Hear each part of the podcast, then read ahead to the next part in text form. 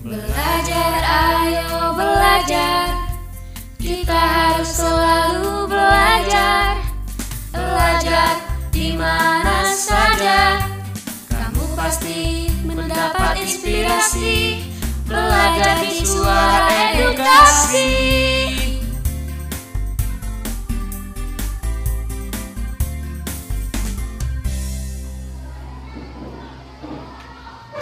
Oh iya Nan, sebentar. Aku mau tanya. Tampilan mading kita untuk edisi besok apa ya?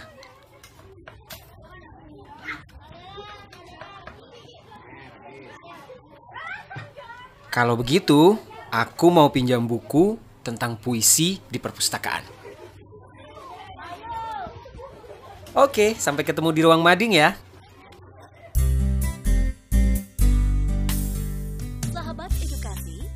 Berjumpa dalam program Ayo Belajar bersama Radio Suara Edukasi. Audio pembelajaran bahasa Indonesia SMA kali ini akan membahas tentang puisi. Sahabat edukasi sudah pernah mendengar atau membaca puisi? Apakah yang dimaksud dengan puisi itu? Dan bagaimana ciri-ciri puisi?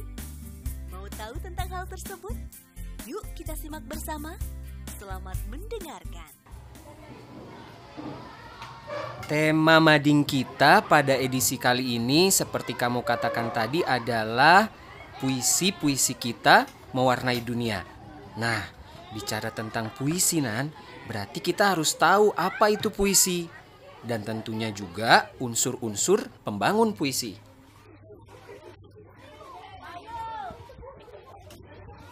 Hmm, puisi adalah suatu bentuk karya sastra yang mengungkapkan perasaan dan pikiran sang penyair secara imajinatif dan disusun dengan mengonsentrasikan semua kekuatan bahasa.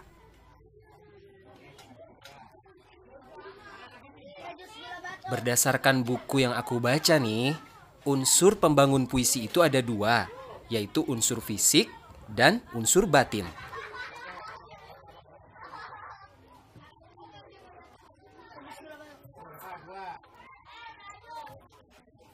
Iya, betul. Unsur fisik yang pertama adalah tipografi. Tipografi disebut juga sebagai ukiran bentuk.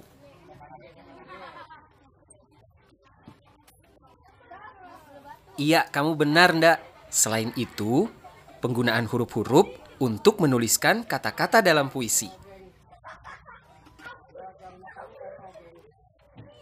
Hmm, ada diksi, yaitu pemilihan kata-kata yang dilakukan oleh seorang penyair dalam puisinya. Ya, pilihan kata yang tepat, Nan. Tepat dengan apa sebenarnya yang ingin kamu ungkapkan.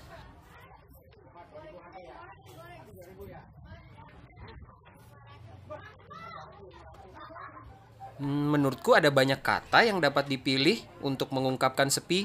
Misalnya, sunyi, diam, nelangsa, sendiri, sedih, sepi, senyap, hmm, atau hening. Nah, kamu bisa pilih yang sesuai dengan warna puisi yang kamu tulis, ndak?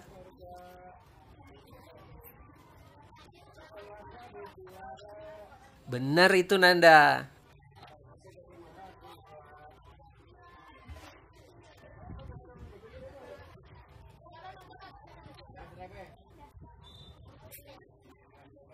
Maksudnya begini Nan.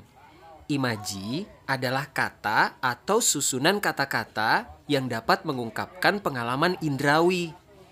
Imaji itu dapat mengakibatkan pembaca seakan-akan bisa melihat, mendengar, merasakan seperti apa yang dialami penyair. Nah, unsur pembangun puisi yang bersifat fisik selanjutnya adalah kata konkret Kata konkret itu adalah kata yang dapat ditangkap dengan indera yang memungkinkan munculnya imaji.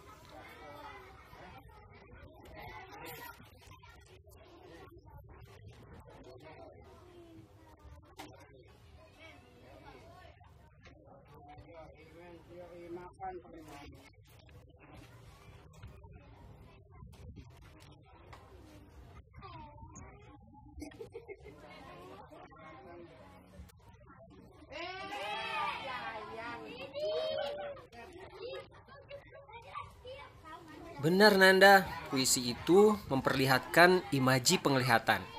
Nah, masih ada dua lagi unsur fisik pembangun puisi Nanda. Yang pertama, bahasa figuratif atau majas, yaitu bahasa berkias yang dapat menghidupkan atau meningkatkan efek dan menimbulkan konotasi tertentu. Yang kedua, rima, ritme, dan metrum Rima itu adalah bentuk perulangan bunyi pada rangkaian puisi. Ritma merupakan tinggi rendah, panjang pendek, keras lemahnya bunyi. Sedangkan metrum didefinisikan sebagai satuan irama yang ditentukan oleh jumlah dan tekanan suku kata dalam setiap baris puisi. Sahabat edukasi, puisi adalah suatu bentuk karya sastra yang mengungkapkan perasaan dan pikiran sang penyair secara imajinatif dan disusun dengan mengonsentrasikan semua kekuatan bahasa. Unsur fisik pembangun puisi antara lain tipografi, diksi, imaji, kata konkret, majas, rima, ritme, dan metro. Sahabat edukasi, Berbicara tentang puisi adalah bicara tentang keindahan dan kejujuran hati. Dengan puisi, kita latih kemampuan mengolah kata. Mari berpuisi untuk menghiasi semesta dengan keindahan kata dan kebeningan jiwa. Belajar, ayo belajar, belajar